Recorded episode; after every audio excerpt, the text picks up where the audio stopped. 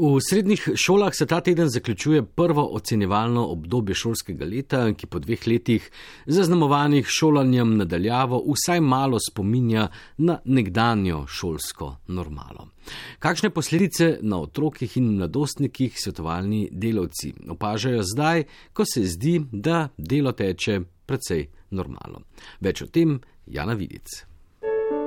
V primerjavi s preteklima šolskima letoma se je veliko šolskih procesov vrnilo vsaj približno običajne tirnice, a pozna se, da je več stisk pri dijakih in več izčrpanosti pri učiteljih in strokovnih delavcih, priznava predsednica Društva šolskih svetovalnih delavcev in profesorica psihologije na eni od ljubljanskih gimnazij Aida Rjavec. Najbrž tudi zato, ker vsem obljubam na kljub delo v šolah ni prav veliko upoštevalo nastalih razlik med mladostniki. Šolsko delo je bilo prilagojeno ravno toliko, kot so se prilagajali posamezni učitelji ali pa mogoče no, posamezna šola v tem smislu, um, da je bilo uh, na ravni šole dorečena kakšna strategija, kako pristopiti uh, k primankljajem v znanju. Sicer bi pa težko govorili o neki nacionalni strategiji uh, in v tem smislu tudi ni bilo čutiti prave razbremenjenosti iz tega naslova. Zdaj ocene v preteklem šolskem letu, podobno še kot v letu poprej, so pravzaprav uh, ustrezno visoke, se ne zdi, kot da bi uh, bil prisoten nek primankljaj v znanju, uh, hkrati pa ta primankljaj čutijo in dijaki, in učitelji, seveda pa zelo, zelo različno. To, kar se vidi, je, da so se razlike med dijaki povečale, verjetno tudi med šolami in v tem smislu. No, mogoče malo še čakamo končne, eh, končne ocene, kaj so posledice korone, dela nadaljavo in tako naprej v samem znanju. Nedvomno je, da so se razlike med otroki še povečale in da je socialno-ekonomsko okolje, iz katerega otrok prihaja, mogoče povezati s temi razlikami. Problem z računalniško opremo in internetnim dostopom je pri tem le del problema. Delno mogoče je bilo to res povezano s tehničnimi prednostmi uh, oziroma mm, neko tehnološko podprtostjo družine. Uh, zagotovo je bilo to pa v večji meri povezano s samim spodbudnim vzdušjem znotraj doma in pa tudi znotraj vrstniške skupnosti. Namreč uh, druženje z vrstniki, sodelovanje z ljudmi podobne starosti je izrednega motivacijskega pomena za upravljanje šole in to je seveda v lanskem letu kar uh, veliki količini dijakov zmanjkalo. Um, zdi se, da so se pravzaprav uh, na novo, kot ranljiva skupina, uh, izkazali ravno tisti, ki jih motivira družba sošolcev, ki pravzaprav radi hodijo v šolo zaradi sošolcev, ne toliko zaradi učenja in znanja, uh, pa potem to pride nekako. Posredno, s tem, da jih družba vrstnikov potegne s svojimi učnimi navadami, in, in tako naprej. Kar veliko izmed njih no, je imelo motivacijsko krizo in se nekateri še vedno niso pobrali iz tega časa. Marsikdo je tudi razvil težave pri učenju, uh, s koncentracijo, um, tudi psihične težave, ki še vedno ustrajajo. Najhujše psihične stiske, ki jih lani nismo uspeli sanirati, ker je bila pomoč. Premalo dostopna, seveda niso izginile čez poletje, um, in še vedno imamo kar nekaj dijakov, mladostnikov, uh, Eh, ki bodi si čakajo na obravnave, bodi si so v precej kompleksnih obravnavah, eh, kjer še ni čisto jasno, kako se bodo njihove stiske razrešile. Natančnega podatka, koliko dijakov je obupalo in šolanja ni končalo oziroma nadaljevalo, svetovalni delavci nimajo, se za dijake šolanje ni več obvezno. Splošna ocena je, da je nekaj več usipa in težav na manj zahtevnih programih šolanja. Praksa tudi kaže, da se v tem šolskem letu težje znajdejo otroci z učnimi težavami, z odločbami ali brez, ki nadaljavo niso mogli dobiti primerljive pomoči, kot so jim jo lahko učitelji in strokovnjaki nudili med poukom v šoli. Tukaj so jo najbolje odnesli otroci, ki so vključeni v posebne zavode, najslabše pa najbrž osnovnošolci. Osnovnošolska populacija um, je precej nazadovala.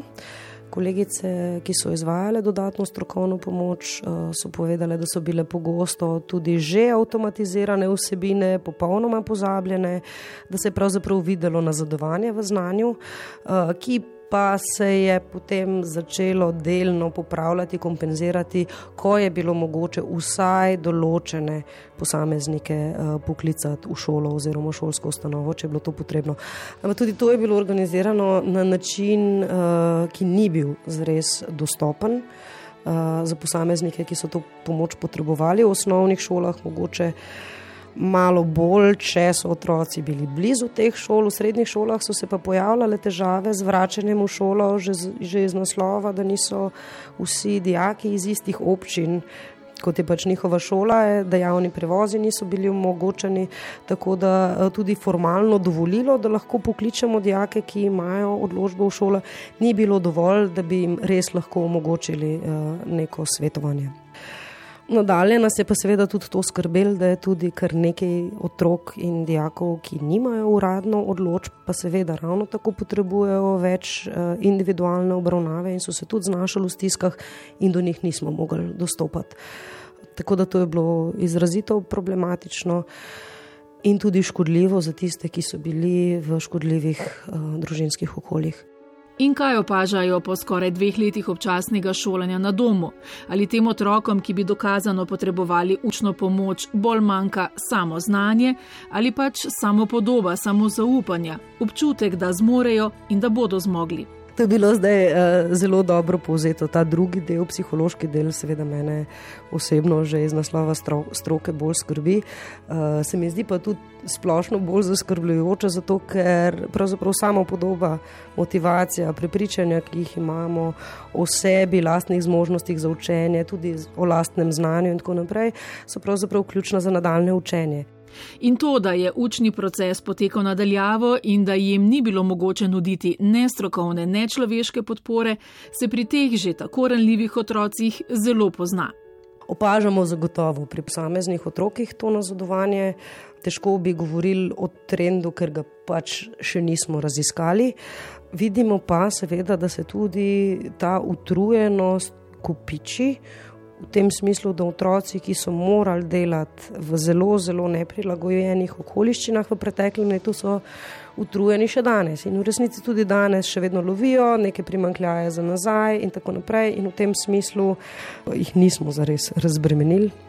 In lahko računamo seveda, da se njihovo psihično stanje ne izboljšuje.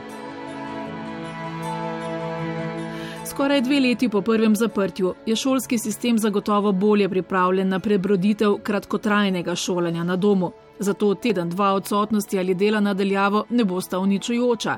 A tudi po povratku šole bo otroke, mladostnike in strokovne delavce čakal star problem. Nimamo res dobrih rešitev, kaj početi še s težavami, ki ustrajajo iz prejšnjega obdobja. To je tisto, kar je najbolj zaskrbljujoče, da stvari, ki so se nam nakupičile, še nismo rešili, še vedno nimamo pravih rešitev in še vedno se zdi, kot da jih na ravni države pravzaprav ne iščemo. Nimamo pravih preventivnih programov, nimamo vizije, kako bi razbremenili preobremenjene in strokovne delavce. In, in otroke, mladostnike, nimamo strategije, kako doseči boljše počutje, boljšo klimo v šolah, ki je sama po sebi zdravilna. Trenutno je pa sama po sebi precej omejena, rigidna, z dodatnimi maskami in ukrepi. Tudi na ta način, seveda, poslabšana, eh, da niti ne vidimo nasmehov drug drugega, in v tem smislu je težko govoriti o neki podporni, eh, prijazni klimi, eh, sploh če primerjamo stanje izpred treh let z vidika osnovnih nalog eh, šole, se pravi eh, jemanja snovi, preverjanja in ocenevanja znanja, se pa v našem šolstvu zdi, kot da delamo po starem in da zmoremo tudi na ta način peljati osnovni pouk naprej. Na pomankanje informacijsko-komunikacijske tehnologije, povezav, prostora za učenje, tudi prehrane, na problem nasilja in zanemarjanja in drugih stisk smo mediji vse skozi opozarjali. Morda premalo, pa smo vsi skupaj govorili o tem, da so s svojimi duševnimi stiskami, strahovi, osamljenostjo in negotovostjo ostali prezrti celo tisti, ki imajo doma vsaj na videz dobre, če ne odlične pogoje za šolanje nadaljavo, na otroke iz višjih slojev in na tiste, ki so vsaj po ocenah sodeč učno zelo uspešni. to vprašanje, ja, ali imamo nove ranljive skupine. Zagotovo je kar nekaj otrok, ki so razvili težave, ki jih sicer ne bi.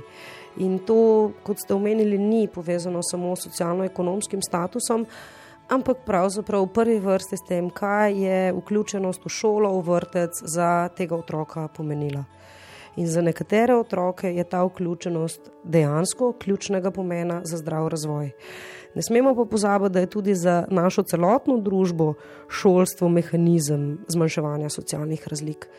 In to, da smo bili toliko časa nadaljavo, je prispevalo k temu, da so se prvič socialne razlike razmahnile, pa tudi k temu, da so se dolgoletni napori v smeri zmanjševanja socialnih razlik sesuli v praktično enem letu.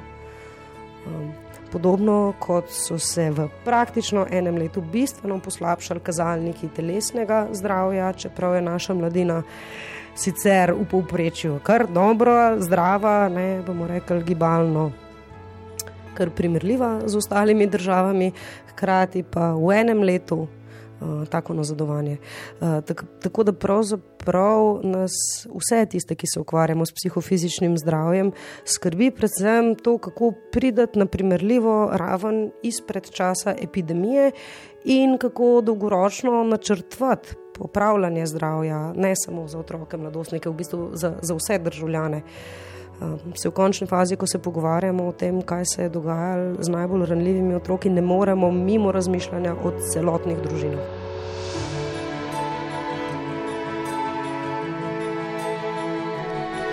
Takole je nekaj opažanj strokovnih sodelavcev strnila predsednica Društva šolskih svetovalnih delavcev in profesorica psihologije na eni od ljubljanskih gimnazij Aida Erjavec.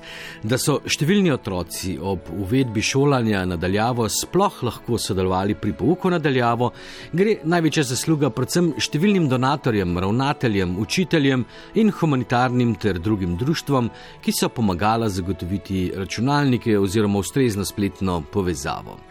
Med istopajočimi je zagotovo društvo Duh časa, ki deluje v Ljubljani in Mariboru in ki kljub tisočerim podarjenih računalnikov in deset tisočem ur prostovoljnega dela po desetletju obstoja zdaj ostaja brez nujno potrebnih prostorov, v katerih bi lahko skladiščili podarjene računalnike, jih popravljali ter pripravljali, da bodo spet postali okno v svet, predvsem tistim, ki si jih ne morejo kupiti.